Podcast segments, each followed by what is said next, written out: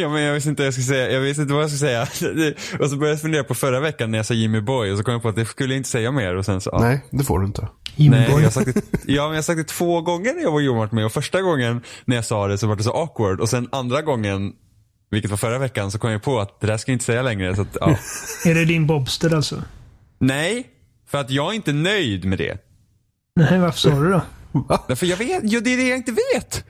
Det bara Boy. kom Det är, till det, är Robin Jimmy som Boy. har det, är det är Robin som borrats in i Jimmys skalle. Uh, Jimster.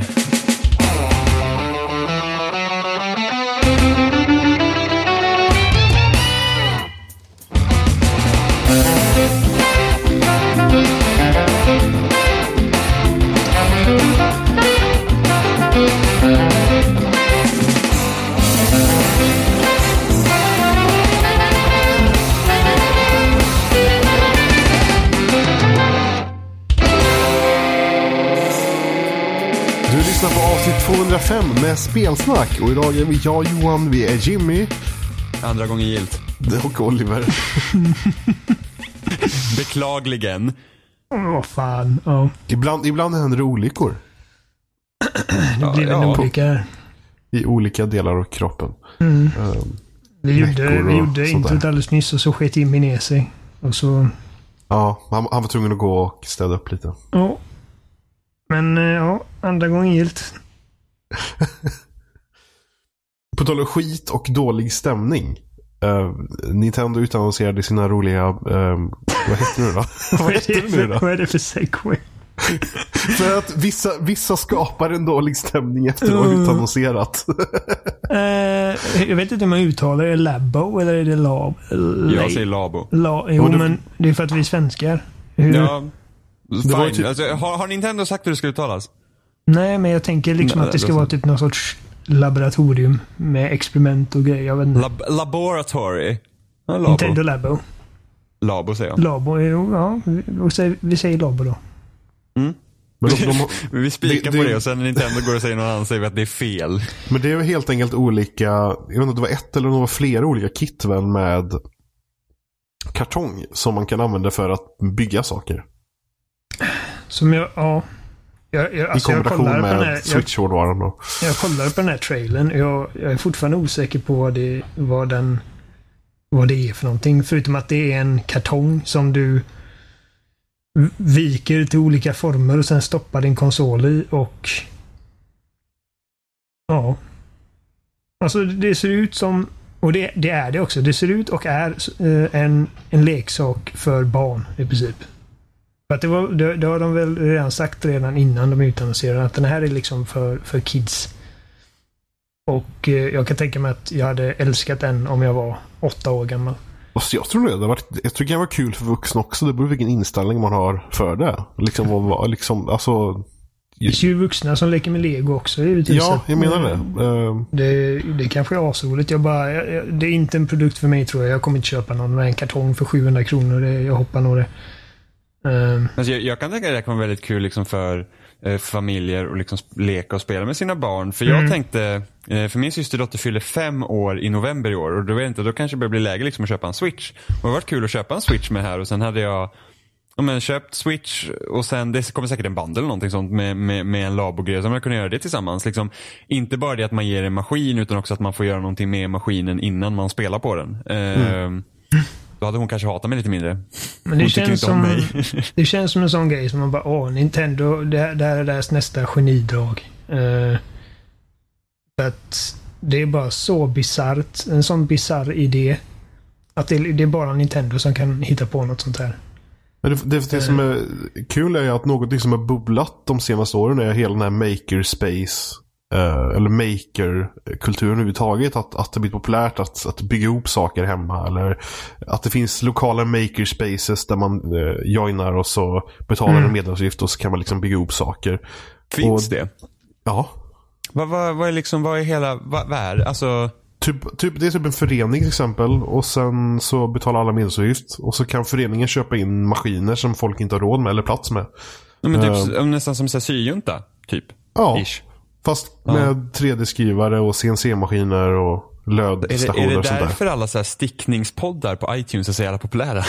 Fullt möjligt. Men, men i alla fall då så detta på ett sätt anammar ju det.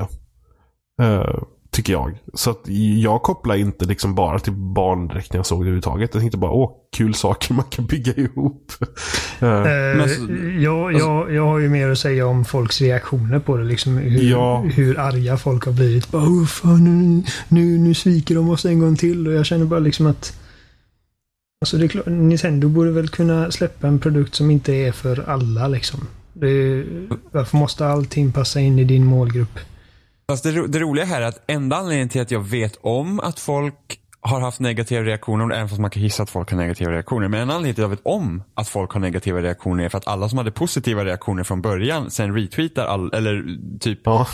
säger att de som har negativa reaktioner har fel. Och man säger att jag hade inte ens vetat om att folk överhuvudtaget inte gillar det här förrän folk faktiskt börjar tala om det för att de tyckte om det. Typ. Men, men eh, om jag säger på Twitter så, är, så ser jag inte så mycket negativa grejer. Utan det är mest det så här, när man scrollar igenom kommentarsfält på YouTube. Men, det är ju där eh, cesspoolen är. Så att... Jag har... Jag läs, alltså jag, jag tror inte, jag läser aldrig kommentarer på YouTube längre.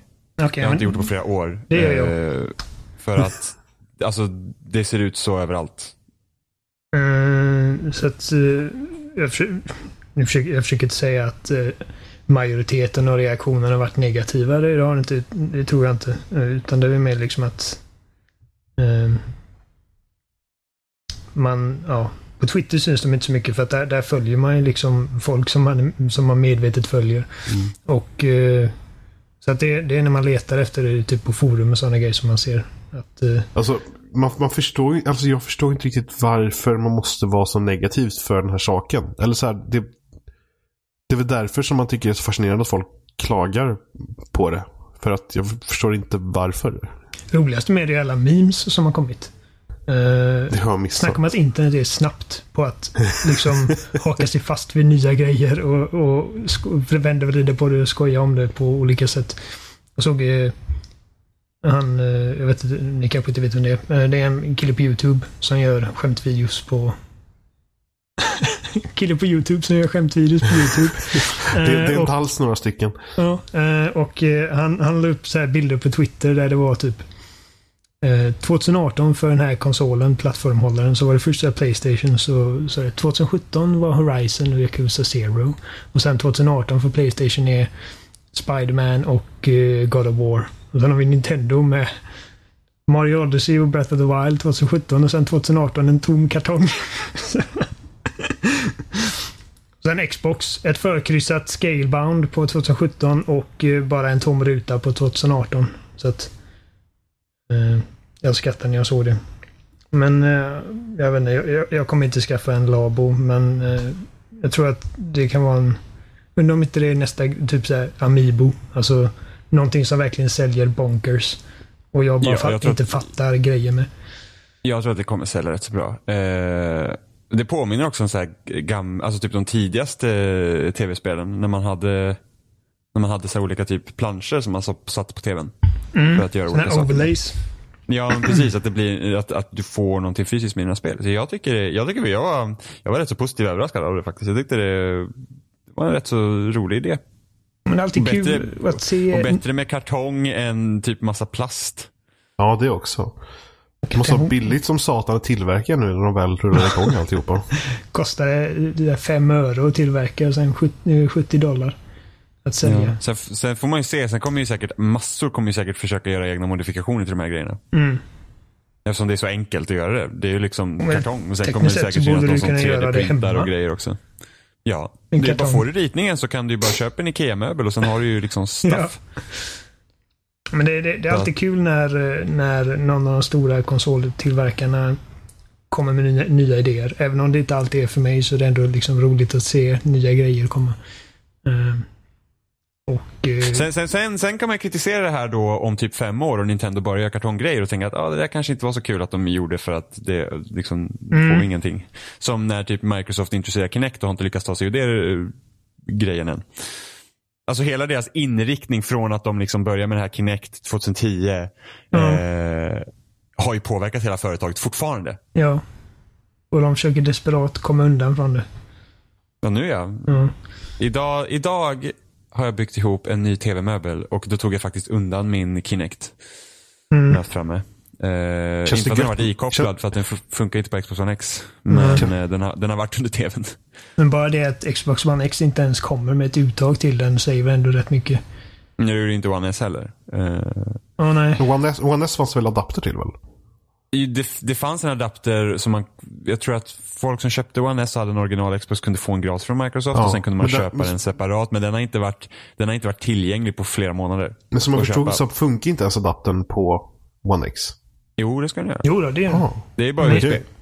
Okej. Men just det att eh, jag som har en eh, Kinect inte kan koppla in den i min nya X. Eh, det är inte så att jag sörjer den direkt, men samtidigt så jag har ju den ju.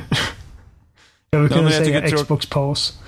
Ja, men det är det jag tycker är tråkigt. Jag har ju Kinect-spel som jag inte kan spela. Det är det jag tycker är tråkigt. För då har jag liksom två eller tre spel nu som jag inte kan, kan göra något med.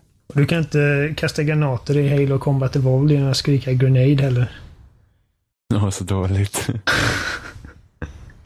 det, det, det, det dummaste med första Kinecten var ju absolut att eh, det kom aldrig någon röststyrning till Sverige på den. Och det var typ, Nej. alltså, alltså det- Kinecten var ju verkligen helt värdelöst förutom typ i USA. Och lite typ därför Xbox One eh, kom så mycket senare i Sverige också. För att de skulle lokalisera och grejer. Det var vad de sa och sen släpptes Xbox One och den var fortfarande inte lokaliserad. Nej. Så bara gav upp. bullshit. Det var bullshit. Alltså det, nu, jag vet inte. Man kan väl inte prata svenska med sin Kinect nu va? Fortfarande? På Xbox Nej, One? tror jag inte. Nej. Nej, så bullshit med andra ord. Fortfarande. Mm, mm. Så det, ja, Jag, tror, jag, tror, jag, tror, jag tror inte Cortana har stöd för svenska överhuvudtaget på någon Windows-plattform. Nej, det, Ja. för mig gör det ingenting. Alltså, jag har ju allting sänt på engelska. Men eh, det är liksom så här sjukt att typ Siri på iPhone fungerar på svenska. Ja. Vilket är lite bisarrt. Googles Klart, saker det funkar halvt lösa. på Det är bara svenska. att det kräver en massa arbete för att det att funka. Och vadå? Det går ju att få eh, svenskt stöd med röstigenkänning och grejer. På, Men uppenbarligen på vad som helst, bara man lägger ner liksom resurser på det. Apple har ju fixat ja, det. ja, men, Att jo, utveckla det. ja, jo så, så, du kan göra vad som helst bara du lägger manken till. Ja. Så de kan inte ha försökt jättemycket. Nej, alltså, förmo- alltså Nej, alltså förmo- förmodligen så sk- skräppar de väl de planerna ganska snabbt antar jag. Alltså, vet vi någonting om annat som Nintendo planerar förutom det här? Alltså tänker när du? spel Vad tänker du på? Ja, spel till Men- Switch. Typ. Jaha, men det kommer lite Kirby, Yoshi, eh, nytt Fire Emblem ska komma. Dark Eh, Souls och släpps sen- på Switch. Och sen, ja men det är inte Nintendo-utvecklat. Eh, sen så kommer ju Bayonetta 3 som exklusivt ska komma, men det vet jag inte om det är i år. Och sen så har de ju Pokémon och Metroid Prime under utveckling. Ja, skulle, men skulle Pokémon komma i år?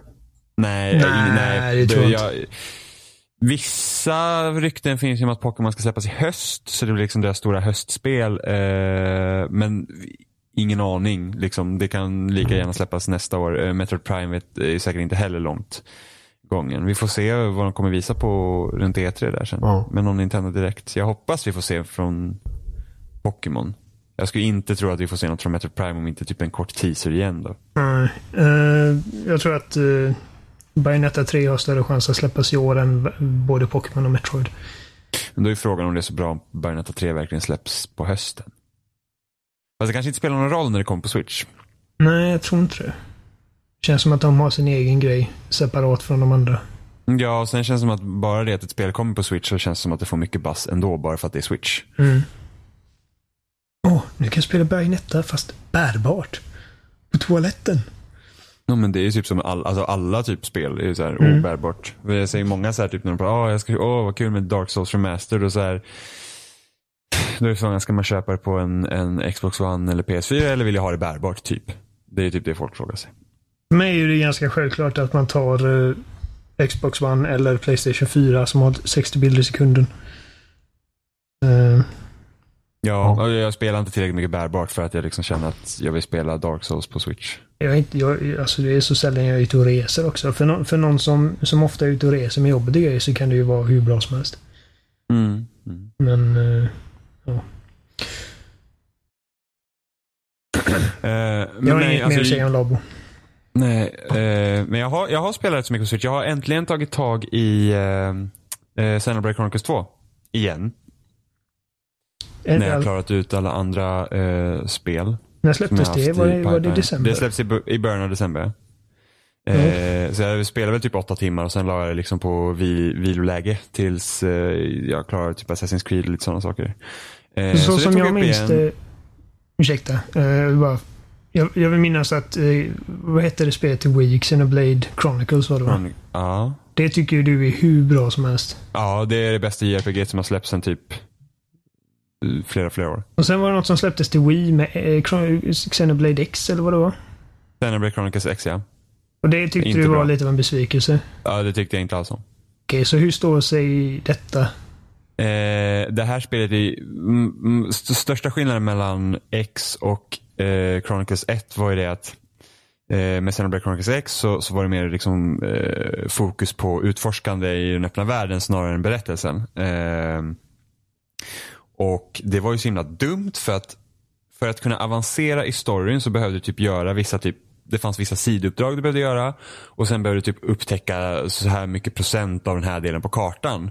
Och det blev så himla skevt så att många gånger behövde du gå till en del av kartan som inte handlade någonting om uppdraget för att sen liksom vandra tillbaka och göra uppdraget då. Och där kunde det vara liksom eh, fiender och sånt som var mycket högre level än vad du var. Eh, vilket gjorde att, liksom att de tvingade mig att utforska snarare än gjorde att jag ville utforska för att kunna avancera i storyn. Så att jag gav upp ganska snabbt på det. Så att jag, jag gjorde inte typ de största sakerna i det spelet som involverade att man hade en egen meck och kunde ta sig runt i världen. Det, jag kom inte så långt för att jag tröttnade innan det. Och speciellt när det var så att ah, du ska göra det här sidouppdraget men du fick liksom du hade ingen aning om vart du skulle hämta det sidouppdraget ifrån. Så det, blir liksom, det fanns massa hinder på vägen hela tiden att, att, att avancera i spelet. Och det är så att ja, men det här spelet kommer redan vara så pass långt att jag, varför gör de det så svårt för mig att spela det liksom?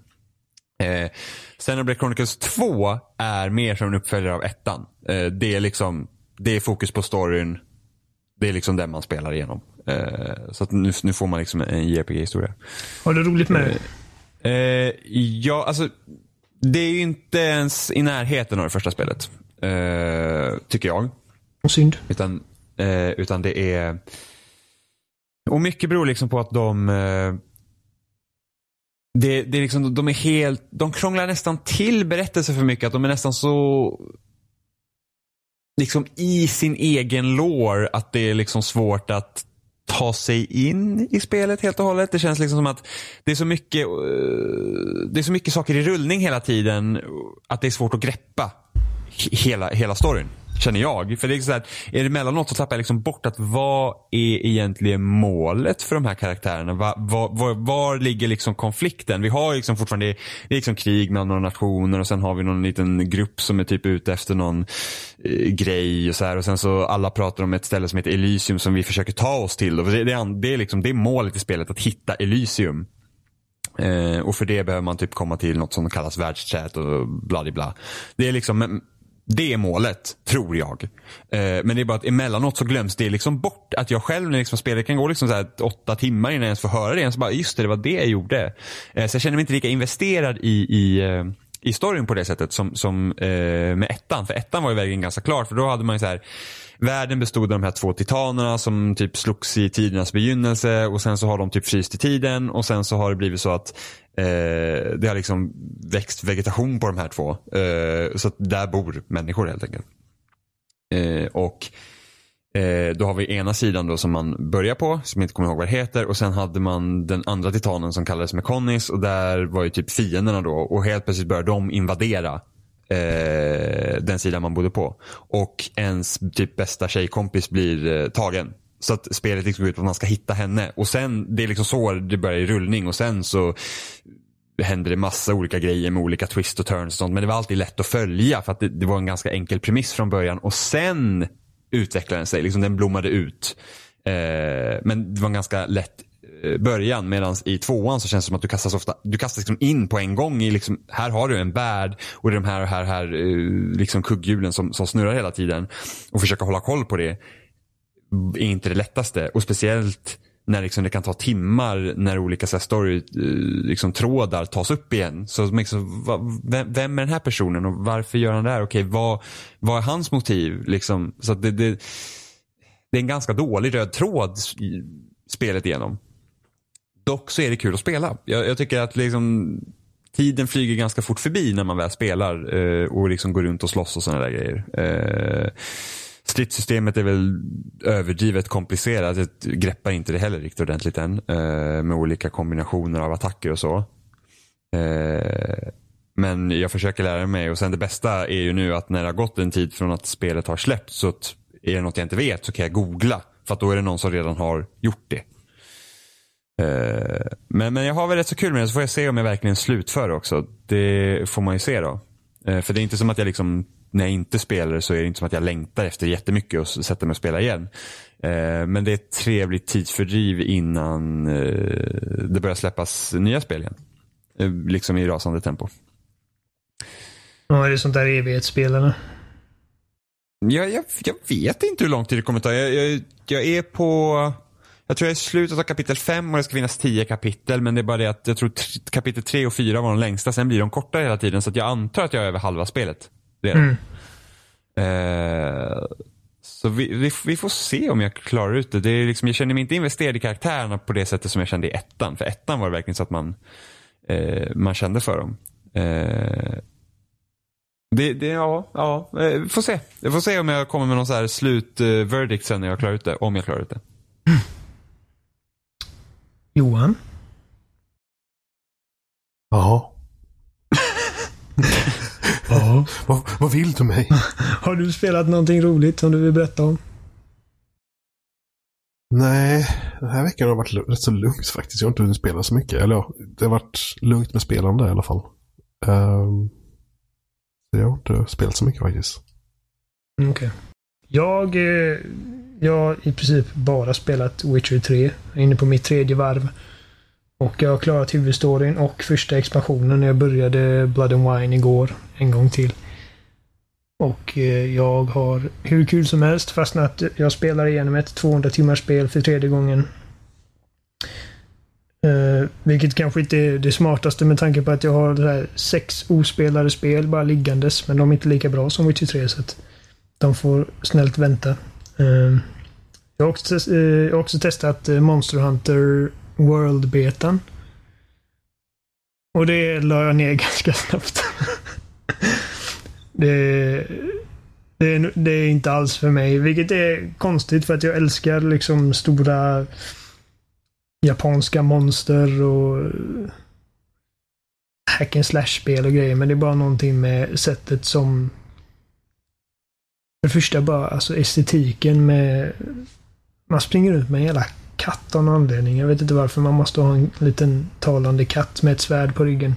Eh, meny, menyerna är bara helt obegripliga för någon som inte eh, vet vad som händer Eh, de verkligen bara slänger grejer på dig i ansiktet eh, på skärmen. Och eh, jag gillar inte hur uppdragsstrukturen fungerar. Liksom du får typ eh, ett kontrakt. Bara du ska döda den här besten där ute. Den, den brukar finnas här ute. Sen ska du spåra den och man liksom jagar fotspår. Fast jag ser inga fotspår. Eh, fotspår. Jag ser något jävla lysande stoft som ska på något sätt föreställa fotspår. Jag går runt och trycker på knappar för att plocka in det här stoftet. Jag vet inte hur jag plockar på mig fotspår men det bara... Nej. Det, nej. Det där, jag kommer inte röra typ, det spelet. Men det är som typ doft i uh, Witcher 3 Ja men då vet jag liksom att det är doft. Gör det någon skillnad? Ja, men det är bara, jag, jag fattar inte vad jag håller på med. Eller liksom... Jag följer något liksom, jag vet inte, det är som att... Jag kan inte beskriva det. Det är bara... Jag förstår inte riktigt strukturen på världen och uppdragsdesignen och... Eh, till slut så hittade jag det här monstret och jag pucklade på honom i fem minuter så dog han och så var det färdigt. Och så liksom har han ut och döda nästa monster. Uh, så som jag har förstått av det lilla jag spelar Monster Hunter är det att det går egentligen ut på att du ska ju döda stora monster och få bättre gear hela tiden. Mm. Det är väl liksom hela grejen med spelet. Jag eh, testade, eller jag har spelat, jag tror det är fyran, Monster Hunter 4 på 3DS. Uh, eh, Och då kände jag bara det här känns så jävla utvattnat. Men jag tänkte att liksom, det, det måste bero på att det är på en liten skitkonsol som 3DS. Som är ett tusen år gammal vid det här laget. Så det, man kan inte göra så himla mycket med hårdvaran tänkte jag. Så ska jag ge det en chans nu när det kommer på PS4 och Xbox. Och eh, jag vet inte, det är bara... Nej. Det känns likadant ungefär. Jag, jag är inte intresserad. Det var trean som kom till Wii va, tror jag. Yes. Ja, precis. Det tror jag Try, eller spelade lite. va? Jag körde också lite men det var så himla, alltså spelet kändes så omfattande att jag, alltså jag orkar inte sätta mig in i det. Jag, tog, jag klickade mig in i någon meny med typ ammunition. Och det var liksom en miljard olika grejer. Jag bara, alltså jag, jag orkar inte sätta mig in i det här. Det det är inte sådär nybörjarvänligt direkt. Uh, så nej. Det, det är ganska skönt ändå att jag, för att det är för mycket spel att spela. Då kan jag bocka av det. Och inte bry mig. Uh, det är inte för mig. Det är säkert skitbra. Jag menar, jag, jag har läst jättemånga bra reaktioner på betan på Twitter. Men jag bara, det, det, det är inte för mig. Men det är ju sådana som jag tycker om spelet. Ja, Då vet jag att de kommer tycka om det. Ja, jag de, det är. Monster Hunter. Kanske. Jag får se. Jag tror jag, jag tror jag hellre vill ha Dragon Ball-spelet faktiskt. Mm. Ja, det, det är snyggt om inte annat. Det, jag gillar designen på det. Men jag har aldrig gillat Dragon Ball. så. Älskar Dragon Ball. Ja, jo, jag, jag har förstått det. Eh, med din mail och allting. Jajamän. JS Dragon Ball. Jag har försökt kolla på Full Metal Alchemist sen jag, sen jag senast poddade med. Det var, jag missade Mm. förra veckan för mitt internet. Vilken, vilken av dem? Eh, Brotherhood. Ja, det är rätt. Och eh, jag gav det mitt bästa men jag fick stänga av efter tio minuter. Jag klarade inte av det. det Det var synd. jag vet inte. Jag, jag, jag vill bara... Jag vet inte. Och- Jag kan inte riktigt sätta fingret på vad det är för någonting. Det är liksom det är bara alltid så jävla bisarrt och jag fattar inte någonting om vad som händer. Är Liksom folk som typ skriker på varandra och bara "Åh, eld är bättre än vatten. Nej, vatten tar ut eld. Det är bara... Alltså, det är enkel tv-spelslogik Oliver, jag förstår inte. Ja, men jag förstår ju att om man häller vatten på eld så, så försvinner elden. Men det är ju ingenting som en jävla battle-hardened krigare ska behöva säga. Det är ungefär som att åh, himlen är blå, nu ska, nu ska du få stryk. Ja, men jag måste ju förklara för tittaren så man förstår reglerna för universumet. Vadå, att, att, att Ja, vatten nej. trumpar Ja, men- eld? Ja, men det är inte säkert alla gånger. Alltså ibland så ska du ju helt enkelt inte hälla vatten på eld för att det blir värre. Det är klart det är säkert alla gånger. Om man är i ett universum där vatten inte trumpar eld, då får man istället, eh, då får man istället förklara för tittaren att ja, reglerna gäller inte i det här universumet. Du, Nej, nu men är alltså, det jag att tänkte, eld... ja, men, reglerna även för vårt universum. Du kan inte hälla vatten på eld all, alla gånger. Varför det? För att vatten innehåller syre. Jaha. Mm, och vad, vad tycker eld om? Syre? Precis. Vadå, så när var det senast du hällde vatten på en eld och elden bara mm, gott? Nej, men alltså jag, jag har inte haft något problem alltså, alltså ofta när man säger att när det liksom börjar brinna och sånt så ska du inte gå hälla vatten på det på en gång. Du ska använda brandsläckaren.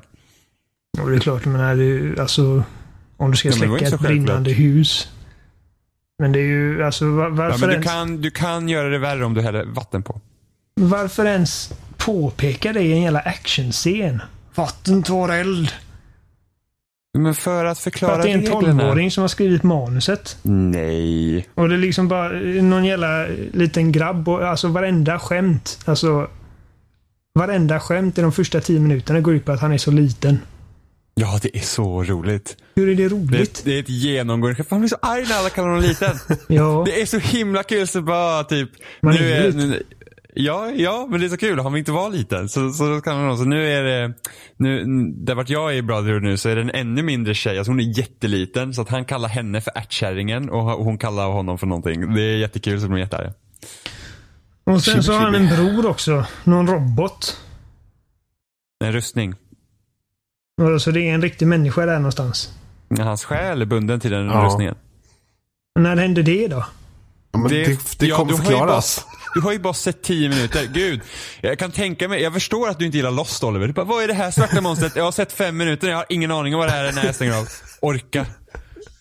Men jag har sett hela den, hela den serien. Jag fattar fortfarande Vad vad det är. svarta monstret är för någonting. Förstår du inte vad rökmonstret Rökmonstret var ju han... Eh, MIB. ja, ja, alltså rökmonstret var ju en typ person, eller något som kan personifiera. Han var motsatsen till Jacob. Jacob var typ Jesus, eller vad var det? Nej. Jacob var bara någon. Bara någon. Ja, någon. Vi vet inte, vad, vi vet inte Jacobs origin story ordentligt. Nej, men han är väl, han är väl inte bara en vanlig Nej, Svensson. men om man säger... Nej, men han var ljuset och eh, den andra var mörkret. Då. Ja, jag menar, jag... Mm. Det är... Ja, nej. Lost. Jag var lost. Lost är så jäkla bra. Alltså, man- jag kan, man- inte förstå, jag kan inte ja. förstå hur många som trodde så många som missuppfattade slutet. Bara, de var ju döda hela tiden. Vad var grejen? Så bara, men de var ju inte döda hela tiden. De, pra- de praktiskt taget förklarade för dig hur det fungerar och alla bara Åh, jag är dum i huvudet. De var inte döda hela tiden. De är döda i sista säsongen. Nej. Men sista säsongen är inte linjär. Nej, men de, de har ju två tidslinjer och en är de i liksom typ skärselden. Nej, Nej. det är inte skärselden. Nej, men alltså humor me. Jo, men de var inte döda hela tiden. Nej, men alltså det på ön hände. Ja, precis. Ja, det vet jag. Men alltså hela den här tidslinjen när alla är typ som vanligt. De är inte strandsatta på en ö och ingen känner var- varandra. Och sen så i slutet inser de att ah, vi känner visst varandra. Då är de ju döda allihop. Ja, då har alla dött. Ja. precis. Precis. Men, Men, de det har är ju liksom efter att alla de människorna har dött av olika Någon orsaker. Ja. Och då har alla samlats där då för att Ja. liksom typ kramas. Gå vidare. Och, ja. ja, men det fattar jag. Mm, ja, men det var många som inte gjorde det. Såg en intervju där var så han bara, men hur kunde ni göra så? Och sen han intervjuade Damon Lindelof och han bara så här, bara, vad menar du? Han bara, men alla var ju döda hela tiden. Han bara, nej det var de inte. Och så, så det finns folk som trodde att eh, alltså hela serien Ja, folk, var någon folk, sorts... folk, folk tror att, folk tror liksom att hela ön inte hände. Jag menar... Det händer ju rätt konstig skit på den ön så jag kan förstå om folk kliar sig lite i huvudet men Men folk är bara dumma. min uppfattning var att det var liksom det sista där som gick parallellt med... Ja. Fast Skitsamma. det gick inte, para- den gick inte parallellt. Nej, jag vet, men alltså man såg det parallellt. Ja, Ja, vad kallar de det? Flash sideways tror jag. vi såg Så det folk parallellt. trodde det ju var en alternativ tidslinje. Och de hint, alltså, hela den tidslinjen var ju så jävla bullshit. För att det, den, den var ju bara upplagd för att vilseleda tittaren. För att den är ju helt onödig i slutet egentligen. De personerna hade nog inte gillat Memento. Ja, fast med, Har nej, ni sett men- Memento? Jag har sett Memento. Den är ju lite konstig strukturellt. Fast det finns liksom en logik i det ifall man bara vet hur det är klippt. Ja, men så svår var den inte att hänga med i. Bara man, man uppfattar det ganska snabbt att eh, de svartvita scenerna går linjärt och... Eller allt går linjärt men det går framåt och eh, de färgade scenerna går baklänges. Mm. Och sen möts allting i mitten. Ja. Riktigt bra film. Christopher Nolan gillar att leka med tid alltså. Hela soundtracket till Dunkirk är liksom en tickande klocka i princip. Ja. Har du sett Dunkirk än? Jag har sett Dunkirk. Gillar du Dunkirk? Ja. Men inte bättre än Dark Knight Rises. Jag vet, men jag har aldrig sagt att Dark Knight Rises är bästa filmen Nolan har gjort. Nej, men det, det är väl din favorit av hans filmer, eller? Av Batman-filmerna. Men inte alla hans filmer alltså. Ingen aning. Du har inte tänkt på det? Nej, inte riktigt. Nej, Alltså, jag, det är svårt för mig också. Jag, jag, jag, jag landar mellan eh, Inception och Dark Knight och The Prestige tror jag, hela tiden. Fram och tillbaka. Jag gillar ju Interstellar, men problemet, det tråkiga är där är att han har någon så här benägenhet att förklara, alltså ha karaktärer som bara är där för att förklara saker och sen dör de. Typ. Jag gillar också Interstellar. Jag tycker inte att det är en av hans bästa filmer, men eh, den är ju betydligt bättre än din genomsnittliga blockbuster. Den genomsnittliga blockbustern idag är ju Marvel-filmerna. Det är ju det enda som existerar. Ah. Okej, men Ja, vi... men i- I princip. Vi viddar, eh, vi viddar eh, definitionen av blockbuster lite då. Tänk typ Transformers och Fast and the Furious. Ja, och, men det, ja, men det är typ så här, ja. Det är Marvel-filmerna och så är det typ, så har vi Fast and Furious och sen så finns ju typ, ja sen kommer någon jävla kass DC-film någon emellanåt. Och sen har vi, och sen så är det alla de här jävla konstiga monsterfilmerna liksom typ, ja Mumien, Godzilla och så King Kong och grejer. Nej, Ja, De skulle ju starta igång ett, ett universum för hela det här ja, Mumien-böset. hela den filmen sätter ju upp det universumet med Dr. Jekyll och Mr. Hyde och Mumien och fan. Det, Den, det är rätt den, eh, den serien lär inte lyfta från startbanan. det, det är det som är problemet idag. Är att varenda film ska liksom redan innan den har släppts ska den tillhöra ett större universum. fast det tror jag håller på att dö ut nu för att det är ingen som lyckas med det längre. Nej, jag hoppas det. Men det är alltså, jag menar, anledningen till att... för nämn ett filmuniversum som numera existerar förutom DC och Marvel.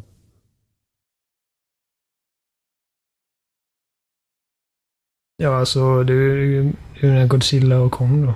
Ja men eh, är de, hör de verkligen ihop? Ja, Eller försökte man göra det? Okej. ja. De hör ihop. Eh, De, eh, de hör ihop. Alltså den nya Godzilla och den nya Kong då? Ja, Ja. precis. Det är samma... jobbigt att, le- alltså de jobbigt att pratar- leva på den det, planeten. Det är, typ, Det är samma väl så här, typ företag företag, som Ja. ja. Monarch. Som, som undersöker de här stora monstren. Och sen i slutet av Kong. För Kong, eh, Godzilla utspelar sig 2014 tror jag.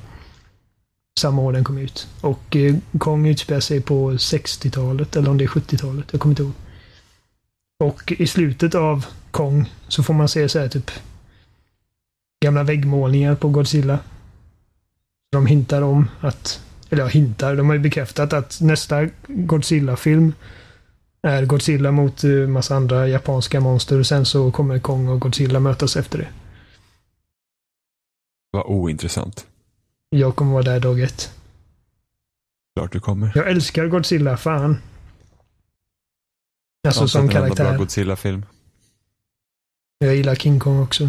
Men det är, alltså det, det stora monster, det är så min guilty pleasure. Jag vet att de det är liksom inte ofta att de här stora monsterfilmerna blir liksom bra filmer. Men det är, är det stora monster som slåss med varandra så är jag där. Peter Jacksons King Kong var bra.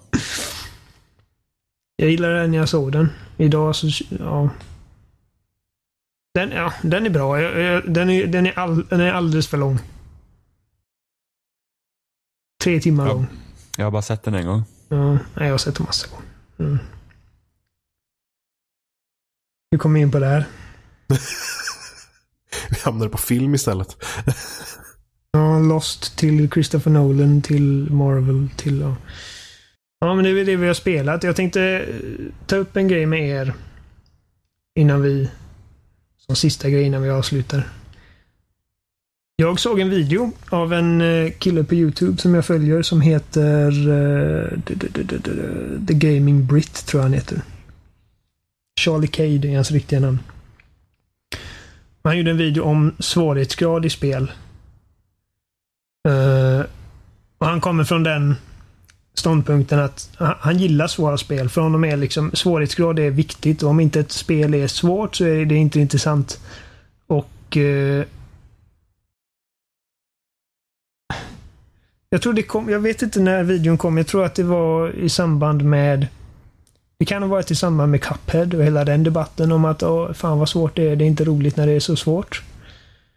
Eh, Och jag kom in på det för att vi pratade om svårighetsgrad för inte så länge sedan, du och jag Jimmy. Och, vi- och vi snackade om hur nästan alla som pratar om det nya Wolfenstein, Wolfenstein 2 The New Colossus, eh, säger att det är typ alltså det svåraste spelet jag spelat. Det, typ, jag fick dra ner svårighetsgraden till easy och jag förstår inte riktigt var det kommer ifrån för att jag körde det på inte normal utan den över. Kommer inte ihåg vad den heter. Hurt me a little. Jag kommer inte ihåg. Och jag hade inga större problem. Jag menar, det var ju tuggmotstånd i det, men det, det är det ju i de flesta shooters tycker jag när man kör på någorlunda svårighetsgrad. Så jag hittade den här videon och han snackar om hur alla spel är inte för alla och där är jag med. Och så börjar han jämföra med film och böcker. Eh, och eh, jag tror inte han nämnde musik, men jag började tänka på musik och liksom att eh, allting är inte för alla, om du förstår vad jag menar. Mm. Eh, och spel ska inte behöva vara för alla heller. Och jag, jag känner att problemen, problemet med det, eh, den jämförelsen är att Nej visst, alla böcker och alla filmer är inte för alla, men det finns liksom ingenting som fysiskt hindrar dig från att komma till nästa kapitel i en bok. Det finns ingenting som fysiskt hindrar dig från att se klart en film. Eh, så, det är ju skillnad. Ja, så, så länge du kan läsa så kan du läsa vilken bok som helst. Sen om du för, liksom förstår vad det handlar om eller viss, eh, vissa passager ur den eller om du ens är intresserad av det. Men eh, vi kan, vi kan ta någon som inte är så jättebra på tv-spel. Men vi säger att i teorin så är typ Dark Souls det bästa spelet den här personen kan spela för att det innehåller all form av mytologi och eh, allt sånt som, som han tycker är skitcoolt. Och han vill spela det, men han kan inte för att det är för svårt för honom. Eh, samma som en bok kan vara jätteintressant. Men eh, om man tycker att någonting är intressant, och man, jag vill läsa den här boken. Då finns det liksom ingenting som hindrar dig, eller?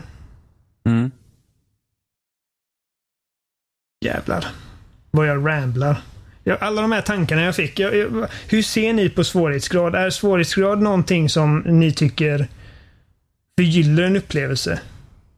Jag vet Det är att... hög du- svårighetsgrad. Eller liksom vad... Ja, men liksom alltså eh, någorlunda tuggmotstånd. Tycker ni liksom att om, om någonting är tillräckligt svårt för, så att, för att jag känner att oj, det här, det här kommer jag få sitta på en stund. Uh, Alltså, tappar ni intresset då? Alltså vill du ha ett, ett rent generellt svar? Nej, men hur du ser på det? Så, Alltså rent enkelt sammanfattat för mig så här. Jag spelar inte spel för att få utmaning. Generellt sett. Alltså om jag spelar själv. Till exempel när jag kör Xenoblade Chronicles 2 nu så vill inte jag att det ska vara jättesvårt. Jag vill inte sitta och dyka ner i de systemen för att liksom, åh gud vilken svår bossfight så nu måste jag verkligen lära mig alla de här grejerna så att jag kan liksom överlista den bossen. Det ger mig ingenting för att det spelet är för krångligt för att jag ska tycka att det är kul. På det sättet. Jag vill att, lite motstånd men jag vill ändå att det ska vara relativt lätt för att jag spelar mer för storyn. Och så känner jag för många spel. Till exempel spelar jag Last of Us första gången så spelar inte jag på svåraste för att jag bryr mig om storyn. Inte om alla spelmekaniker. Alltså, även, även, även om spelet är där och det interaktiva är ju såklart viktigt. Det är inte så att jag skulle vilja kolla på en film istället utan det är ju så att det finns där av en anledning men jag spelar inte det för att få en utmaning. Jag spelar det för att få en story. Eh, sen tar man till exempel spel som Cuphead som går ut på att vara svårt. Där vill jag att det ska vara svårt. För att det är den typen av spel. Eh, jag håller med om att alla spel behöver inte vara för alla. Eh, jag tror att det kan finnas ganska viktigt att göra artistiska val som där svårighetsgraden kan vara ett hinder eller förutsättning för någon. Uh, för att det är så här, okay, men så ta som Dark Souls. Alltså Dark Souls var så här, hej här har vi ett jättesvårt spel. Eller, eller ta bara Demon Souls. Uh, ändå där det börjar. Uh, eh, vårt spel är svårt. Uh, alla kommer inte klara av vårt spel. Fine. Det är så det är bara. Och, det, och det, absolut, det respekterar jag. För att då är det så att då har man gjort ett val. Eller ta som Super Meat Boy. Där finns det liksom, vårt spel är svårt. Sen finns det ju lättare och svårare banor såklart. Men rent generellt sett så är det svårt. Eh, och sen kan man till exempel ta Super Mario-spelen. Som där Nintendos filosofi ett tag var liksom att göra allt väldigt enkelt. Att klarar inte du den här banan så kan du få en svamp och så kan du hoppa över banan. Eh, till stor del. Och det limmar ju ganska illa jämfört med hur det var när vi var små och spelade Super Mario Bros. Super Mario World. Det var så att man fick klara den här banan och dör man tillräckligt många gånger så får du börja om helt från början. Och det har man mer gått ifrån. Eh, jag ser ju ingenting, alltså bara det statement att man tar spel som ett helt medium och säger att nej, spel borde inte vara för alla. Då tycker jag att man skjuter sig själv i foten för att det begränsar mediet så otroligt mycket till vad det kan vara. För att varför ska det inte finnas spel som alla kan spela? Liksom, vad skulle till exempel ett Telltale-spel ge i att vara så svårt att du inte kan klara av det? Nej, det funkar inte. Nej, för att det, eller, eller ta Twine-spelen som bara med går bett ut interaktiva eh, historier. Varför ska de vara för svåra för någon att klara av på den nivån?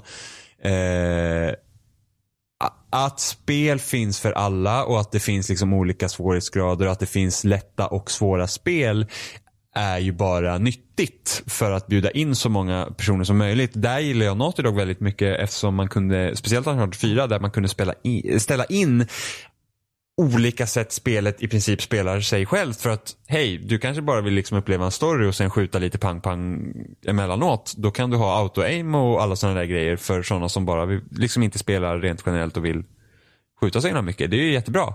Eller Jag jobbar rätt komma- mycket med handikappade människor där med, som, som har eh, men, tappat massa fingrar av olika anledningar eller kanske har fötts med något fel som gör att de inte kan Typ som, det finns ju många quick time events som går ut på att bara hamra på knappen och det finns ju folk som har sådana hand, handikapp att de inte kan hamra på knappar snabbt. Mm. Eh, Så de, de pratade med, med, med många olika spelintresserade människor eh, som har olika typer av handikapp och lät dem berätta om deras eh, upplevelser med spel där de har liksom, om det varit någon quick time event som de helt enkelt inte kommer förbi. Fastän att de kanske älskar spelet i övrigt. Ja, Mm. och det, och det är jättebra för att då, då Mm. märker man också så att hej, liksom i våra spel då har vi de här historierna vi berättar och vi, vi vill inte på något sätt egentligen utesluta att vem som helst ska kunna ta del av dem om man inte vill. Eh, och de som vill då ha en mer speligare spelupplevelse med en sån utmaning, då kan man välja det. Så där ser jag inte att det finns något dåligt i att det valet finns. Men jag tycker heller inte att man ska säga att alla spel ska fungera för alla. För att det måste man ju som spelskapare själv få bestämma vad man vill liksom Ja. Liksom man har sett det, men vårt spel är så här. Då, då får det vara så. Det, det, den uteslutningen där tycker jag inte är dåligt. Men som spel generellt sett, liksom på, som, som ett helt stor grej. Så är det ju bara jättebra att man experimenterar och försöker att vem som helst egentligen ska kunna ta upp en kontroll och spela utan att det blir för invecklat. För att man vill ju inte skrämma iväg folk utan man vill egentligen att så många som möjligt spelar för att ju fler som spelar och är intresserade av spel gör ju att också att mediet växer. För att flera olika perspektiv, flera olika personer som kommer in. Det betyder att och, fler, och ju fler som blir intresserade av spel kommer man få, upp, kommer man få fler som vill sen utveckla spel och har en helt annan syn på vad spel eh, kan, kan vara. För hade man bara haft en syn att oh, alla spel ska svåra, då hade vi inte fått spel som Gone Home eller Tacoma eller What Remains of Edith Finch eller Dear Esther. Vi hade inte fått eh, Telltales eh, Walking Dead. Eh, vi hade inte fått Firewatch. Eh, så att det är liksom...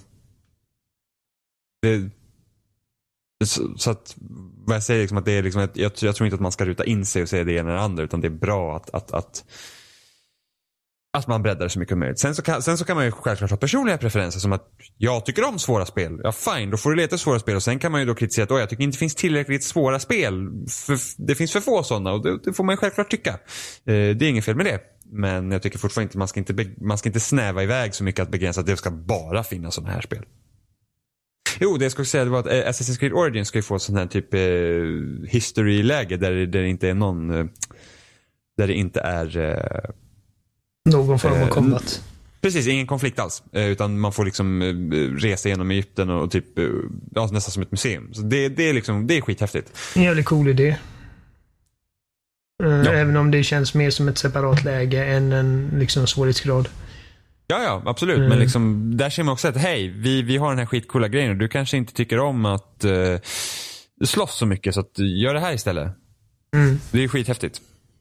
Det lätta svaret för mig är givetvis att det beror väldigt mycket på vilken typ av spel man spelar. Eh, när det kommer till svårighetsgrader. Jag, när det bästa svåra spelet jag har spelat eh, är ju Bloodborne. Som jag har pratat om hur många gånger som helst. Och det spelet hade ju inte varit lika speciellt om det var en breeze. Eh, om det var lättare än vad det är. Eh, Men sen så är det liksom att problemet med svårighetsgrad att man märker verkligen ett spels problem när man drar upp det på svåraste svårighetsgraden. För att det är då små, eh, små skavanker i spelmekanik och eh, fiende AI och sådana grejer verkligen lyser igenom. Eh, så att om ett spel ska vara svårt så måste det vara jävligt bra designat också på, en, på ett fundamentalt plan. Eh, det som är så smart med Bloodborne är om man jämför med Dark Souls som jag innan jag spelade Bloodborne aldrig fastnade för. Eh, Dark Souls har ju... Det är väldigt vanligt att man i Dark Souls springer runt med sköld. Och eh, skölden eh, uh, negatar ju i princip 90% av all skada man tar ifall man använder den uh, flitigt. Vilket gör att man många gånger kan spela spelet genom att bara hålla inne den sköldknappen och uh, ta skadan och slå mellan varven. Men i Bloodborne så gjorde de sig av med allt det där och tvingade spelaren att spela en form av Dark Souls-spel i princip. Uh, utan den Eh, säkerhetslinan. Och då lär man sig snabbt hur man dodgar fiender och undviker att ta skada överhuvudtaget. Vilket gör att man blir bättre på spelet, vilket gör spelet roligare.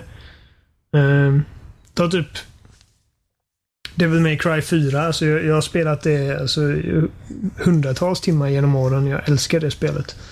Uh, trots dess många brister.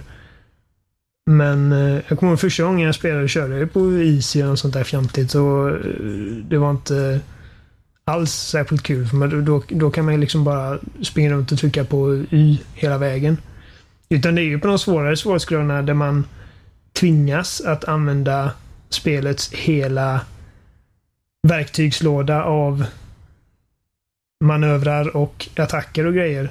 Eh, vilket återigen gör dig bättre på spelet, vilket gör spelet roligare. Så att i väldesignade spel så är, så är högre svårighetsgrad någonting som verkligen kan göra en upplevelse. Så jag förstår det här liksom att man aktivt söker ut eh, eller söker upp eh, svåra upplevelser ifall det är liksom din grej. Men samtidigt så, men jag kan ju uppskatta Eh, då en grej som Mass Effect-serien tyckte jag inte alls var lika rolig på Insanity-svårighetsgraden som det var på normal. För att det, liksom, det är ett spel som handlar om så mycket mer än bara att skjuta på grejer. Uh, jag vet inte, jag, jag, bara, jag bara tyckte det var en intressant grej när jag tänk, började tänka på det. Uh, ska, borde man till exempel ha en lättare svårighetsgrad i Dark Souls? Vad tycker du? Eller ni? Ja, men, nej, alltså, jag, tror jag, svar, tror jag, svar, jag, tror jag rörde lite vid det också. Att jag tycker att har man bestämt sig för att nej, vårt spel ska vara svårt, då får det vara svårt. Tycker inte att det behövs. Alltså, det, det får var och en göra sig själv. Eh, vad man tycker. Jag, jag hade inte tyckt att Dark Souls var sämre om det fanns en easy svårighetsgrad. Det hade inte bekommit mig, men jag tycker inte att det borde ha det. Jag tycker inte att man måste ha en lättare svårighetsgrad så att spelet blir tillgängligt för alla. det får, det får utvecklarna bestämma själva. Vill de att de ska ha ett svårt, så är vårt spel är så här svårt, det är så här det ska spelas. Då får man respektera det. Och för utvecklarna känner ju sitt spel bättre än vad vi gör. Och eh, Eh, det, det, kan ju vara en sån grej liksom att utvecklarna de, de räddar spelaren från sig själva. För att om Dark Souls hade haft en lägre svårighetsgrad så hade nog väldigt många kört på den svårighetsgraden och då kanske inte upplevelsen som de vill förmedla är lika stark.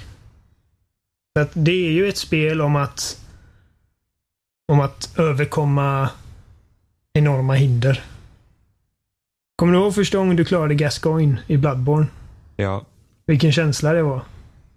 Ja, och det är också det. Det är ju liksom det största hindret för att, för att klara ut det spelet. Majoriteten som har tagit sig förbi Gascon har klarat spelet. Mm. Jag tror att vid den punkten så då vet du vad du har liksom framför dig och du har slitit för att komma till den punkten och vid det laget så har spelet dig i sina klor. Ja, om du inte ledsnar. Så att... Uh... Åh oh, nej. Så vi har kommit fram till att svårighetsgrad är kontextuellt. Vilken meningslös diskussion jag tog upp. det är olika. Det typiskt svenska svaret. Lagom. Mm. Nej, men jag, jag uppskattar svåra spel eh, ifall de har om de är tillräckligt väldesignade för att backa upp den svårighetsgraden. Men eh, eh, Sen finns det ju många spel som jag, som jag det, första gången jag spelar någonting så är det sällan jag kör på mer än normal. Och eh, hade det funnits svårighetsgrader i Bloodborne så hade jag förmodligen valt normalläget och då hade jag kanske inte tyckt det var lika roligt som det var i slutändan. För att då hade spelet inte krävt lika mycket av mig. Och jag hade inte utvecklats på samma sätt. Så att... Eh... Oh, nej. Det är bra. Med lite svårighetsgrad ibland. Ja, men sen så om man kan tänka sig att spela mycket multiplayer och så, så är ju svårighetsgraden i multiplayer är ju väldigt eh, den är ju väldigt liksom blandad beroende på vem du möter. Ja, ja, absolut. Men där har vi också, till exempel om man tar, eh, men ta ett spel liksom som Battleground så är det egentligen rätt otroligt hur, hur populär den genren har blivit med tanke på att den, det är ju Alltså, det är ju väldigt, väldigt svårt med tanke Mm. på att det finns bara en som kan vinna. Om du kör solo då. Ja, det... Precis, så där blir det ju eh, det är ju en sån, sån grej som att hade det varit, hade det där kommit upp på typ ett möte liksom på en större utgivare så hade det förmodligen sagt, ja men vi har det här spelet, man är 100 pers, man droppas på den här ön och sen så är det bara en som kan vinna. Det är ju ingen som hade typ greenlightat det för det är ju såhär, men vad, bara en som kan vinna, ingen vill ju spela det. Eh, och så, så, så, så blir det en hit som det blir med typ eh, något mindre företag och sådär. Så då, nu kommer förmodligen alla spela ett Battlegrounds-läge som kommer. Eh, men, men liksom att det, det, det var nog ett tillfälle under slutet av 2000-talet. Det var just när, när, när spelen börjar bli så att det får inte vara utmaning och liksom Nintendo-spelen blev, blev liksom lättare, du fick mer hjälpmedel där och både Sony och Microsoft började liksom Move och Kinect. Liksom att oh, spel ska vara för alla, det här familjegrejen och sen så blev det en motreaktion på det och sen fick vi liksom DayZ, eh, Dark Souls och de här svåra spelen och liksom många mindre indiespel. Eh, ja, men, typ Don't Starve och de här grejerna. Att det, det blev liksom en, en inflation i survival-genren istället. Eh, så så att det, det går ju alltid i vågor och sådär. Så, men det, det, det är bara kul att, att man får många olika sorters spel. Men jag tror det är uppenbart att svårighetsgrad är väldigt viktigt i vissa sammanhang för att ett spel faktiskt ska bli roligt. För jag tror att om, om Dark Souls hade släppts i ett klimat som påminde mer om under NES-tiden, när i princip allting var väldigt svårt, så hade det inte fått samma genomslagskraft. Jag tror att det, det spelet, hela den seriens framgång bygger på att det var en tuff upplevelse i ett spelklimat där alla i princip kan klara vad som helst. Um, och Uh, nej, det, det, det säger sig själv. Alltså för att jag tror att min primära poäng med hela den här diskussionen är att det är svårt att jämföra spel med andra medier när det kommer till just detta. För att med sin interaktivitet så erbjuder det liksom ett sätt av helt unika eh, upplevelser. Det, det, det kommer... Eh, du sätter mer på bordet än vad andra eh, medier gör. eh, I och med att men det säger sig självt när man spelar ett multiplayer-spel oavsett om det handlar om Rainbow Six eller Rocket League eller whatever. Så att de matcherna där man, där man verkligen fick slita och det var liksom så lika. När man vinner en Halo-match med 50-49. Det känns ju mycket bättre än när man möter ett lag som där hälften av motståndarna quittar och man bara slår sönder dem. Utan problem. Mm. Så att... Eh, det är det är den här liksom känslan av, att, av eh, tillfredsställelse av att ha uppnått någonting. Vilket det Det- låter så självklart när jag säger det högt. så... så, jag vet inte, men, det, men samtidigt så... Som du säger, men i vissa fall så vill man bara ha en story. Jag tycker inte man ska ska liksom eh, rynka på näsan för det. Men jag har, jag har i alla tider älskat Zelda-spelen och har aldrig riktigt förstått den här kritiken med att ja, men det är alldeles för lätt. För att det är liksom, eh, jag har aldrig spelat Zelda för att få utmanande strider. Eh, utan det har ju liksom varit att pussellösningen har varit rolig och att eh, utforskandet eh, av en liksom spännande värld har varit intressant. Så att, men sen å andra sidan när Breath of the Wild kom och faktiskt var utmanande så, så inser man liksom hur, hur mycket idéer kan tillföra också. Jo, så är det. Det jag, det jag skulle vilja se utvecklare gör är att man börjar utforska co-op mer. Igen. Eh, för det var ju ett tag där alla spel skulle ha co-op och då tänker man, ja men vad bra, nu kan, nu kan man kan göra intressanta grejer med co-op och sen så gör ingen det. Utan man slänger på en bara slänger, man tar samma spel och slänger in två spelare istället. Så jag skulle, vilja, jag skulle vilja se, för att, för att mycket av det om vi pratar svårighetsgrad, och speciellt när det kommer till multiplayer-spel, så, så blir det här att ja, men det, det är en konflikt, du, du spelar mot någon som är bättre än dig. Och då hade jag gärna sett hur samarbete, alltså samarbete eh, kan ju förgylla spel. Och inte bara att det behöver vara svårt när man samarbetar, men att samarbetet finns där. Så vi har till exempel, om man tar Minecraft till exempel, där kan man ju samarbeta och bygga saker och sånt. Och det behöver ju inte vara svårt, utan det är bara en trevlig upplevelse tillsammans. Och sen kan man typ ta spel som typ Left 4 Dead eller Overcooked, där, liksom, där samarbetet är liksom eh, eh, det är liksom svårt för man ska samspela med varandra. Och sen har man till exempel ett spel som Portal 2 vilket kräver att båda eh, samarbetar och eh, liksom lyckas göra sin del av pusslet. Så jag skulle jättegärna vilja se mer experimentell co-op där man faktiskt testar, okej okay, men nu kan vi faktiskt ha två personer som spelar tillsammans, hur gör vi? Så det, det är faktiskt en av de anledningarna till att jag ser fram emot uh, A Way Out där. Jag tänkte precis nämna det spelet. eh, Eh, för och att, se hur, hur det fungerar. Inte, inte, för där, där är det egentligen inte, där kommer det säkert inte vara någon liksom form av problemlösning i co-op men där har man liksom då använt två, man ser då från två perspektiv för att berätta en historia. Eh, Ja. Så det är väldigt intressant. och i vanliga, jag menar, i traditionella co-op-spel så handlar det ofta om att man sitter bredvid varandra bakom ett skydd och skjuter på fiender tillsammans. Och det har ju sitt värde också. Jag menar, Gears of War och Halo är jättekul i co-op. Men eh, det som är intressant med A Way Out är hur båda spelare... Nu, nu, nu, nu, nu har inte jag sett mycket av spelet, men så som Josef Fares har pratat om det så, så verkar det som att många scener kommer liksom... Eh, båda spelarna kommer liksom inte alltid ens vara i samma spelfält tillsammans, utan att de har sina egna uppgifter att fylla eh, helt separat från varandra, vilket är jävligt intressant. För vi snackade om det när Watch Dogs visades. Eh, och hur coolt liksom det spelet blev i våra fantasier när, när man såg den här andra spelaren springa över hustaken eller vad det var efter att eh, Aiden eh, hade gjort sin grej där nere på nattklubben eller vad det var. Eh, så att eh, jag, jag tycker också det hade varit intressant att se folk eller spelutvecklare leka lite med co-op på ett mer asymmetriskt sätt. Portal 2 är ett bra exempel och även, eh, jag kommer att tänka på, vad heter det?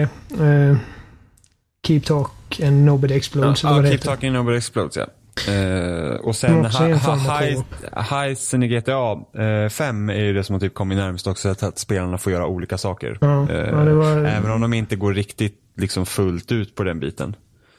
Eh, just det, alltså egentligen borde det vara så att det är två spelare så var tar ett skilt mål men vi säger att den ena spelaren måste verkligen klara sin grej för annars kommer det påverka hur, hur den andra spelaren kommer göra. Och Mm. inte det att man bara står och väntar men det är så här, okej vi har två minuter på oss, jag ska göra det här och här och jag ska göra det här och här, sen ska spelarna mötas upp för sen måste vi kunna samarbeta vidare efter det. Men vad händer om den ena spelaren misslyckas? Hur ska man lösa det? Och inte då, då bara att det behöver bli ett game over-skärm utan det är det att okej, den här misslyckades, hur improviserar vi för att fortfarande kunna klara tasken? Vad händer då? Jättesvårt att göra förmodligen, men det hade varit kul att se.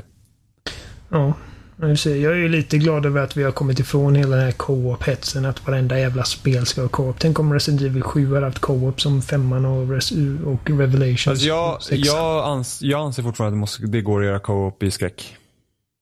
Jo, men det, det går det säkert. Men samtidigt För att, så... det, för att där, grejen ofta med, med det är det att man särar inte på spelarna. Och det tror jag att man måste göra. Det är att tvinga in dem i game chat och sen så måste man sära på sig. Och vad händer om kommunikationen bryts? Och man måste fortfarande samarbeta. Alltså det, då, för att, då rycker man ju bort den här säkerheten från spelarna. Liksom, ja, vi kan prata med varandra hela tiden och sen whoop, rycker man bort mattan. Nu kan inte göra det längre. Nu är du själv. Det är ju jätteläskigt. Så Jo, men det, eh, det, hade jag hänger ju också helt också på att man lyckas göra ett spel där båda är på två helt olika platser. Helt... Eh, oberoende men av varandra i princip. ja, men inte alltid. Nej, ja, men min, Tänk- mitt men är ta- liksom, ta- jag, är- jag är trött på den sortens co-op som vi har sett så mycket av. Liksom, att Ja. man, bara, man springer med varandra hela tiden och skjuter på zombies. För ta Dead Space till exempel, om man tar Dead Space 1 eh, och hur hade man gjort ett implementerat co-op i det till exempel? Det, det, Dead Space 3. Det är i princip, nej, det gjorde de ju fel. Eh, det som blir, även fast de hade jätteintressanta grejer i Dead Space 3. eh, för det som blir i Dead Space 1 är, okej, målet är att laga det här skeppet egentligen och sen ta sig därifrån. Vad händer om man måste laga två olika delar av skeppet samtidigt och sådär, så man måste sära på sig emellanåt. Eh, det höjer ju skräcken. Så att, Jo, men jag, bara när du säger, alltså det låter ju coolt när du säger det, men jag börjar liksom komma på en miljard olika saker som hade kommit i vägen för det. som, som eh, om en, en spelare lyckas göra sin uppgift på fem minuter och den andra lyckas göra den på 20 minuter eller fastnar på en fiende eller någonting, inte kan göra någonting. Vad gör den andra spelaren medan sen väntar på den andra då? Ja, Men det får man ju, alltså det, man får ju liksom bygga upp det så att man minimerar den risken. Det är samma Jo, sak. men det- det är liksom men en ta, Ta när, man, utmaning. ta, ta när man delar upp vägen i Gears of War. Tänk om den ena skjuter sina fiender snabbare än den andra. Men då är man liksom alltid på samma spelplan fast på en annan väg. Man liksom ser varandra och man kan skjuta på fienderna på... Ja, fast ibland, ibland kan man inte göra det. får man sitta och vänta lite. Jag tror, jag tror inte att det är farligt att låta någon vänta emellanåt och sen så om den ena tasken tar 20 minuter och den andra 5 minuter då har man ju designat spelet galet. I ett linjärt spel är det lättare att styra spelaren än, eh, än om det är helt öppet givetvis. Jo, det är klart. Så att eh, det är klart att det finns problem men det är bara att någon får lösa dem. Ja. Ni får, ni får lov att lösa det, spelutvecklare. Det är, liksom, det är därför det tog så lång tid för Heisen att komma ut i GTA 5 för de hade så mycket problem med att, eh, hur de skulle fixa vissa saker. Som att från början var ju planen att, en, att det alltid skulle vara en driver men det var så att okej men den här personen har ju ingenting att göra medan de andra gör det. Så det funkar inte så då fick de gå tillbaka till ritbordet och göra om det. Mm. Så att det, det går. Jag menar...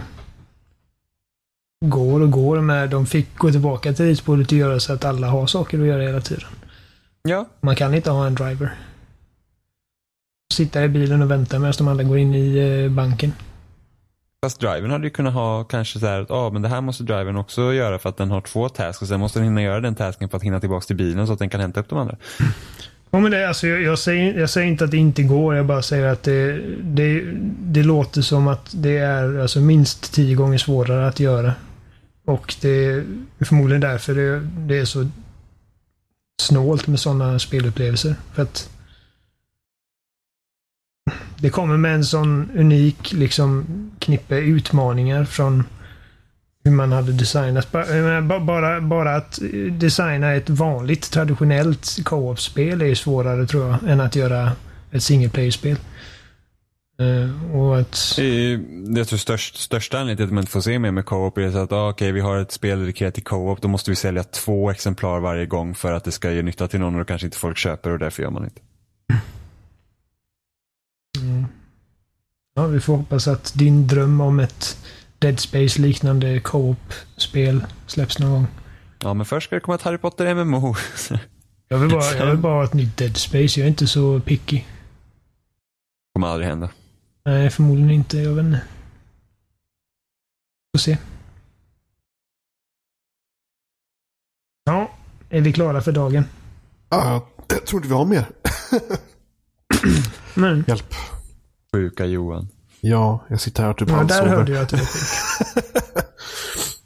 Ehm, ja, vi finns som vanligt på spelsnack.com. Uh, där hittar länkar till YouTube, Facebook och alla andra ställen. Ehm, kommentera någonstans gärna. Ehm, ni kan skicka mail till oss. Uh, kontakt spelsnack.com. Så svarar vi eller tar upp i podcasten. Mm, Snälla skriv. ja, snälla. sk- Ja. Hej då. Hej då.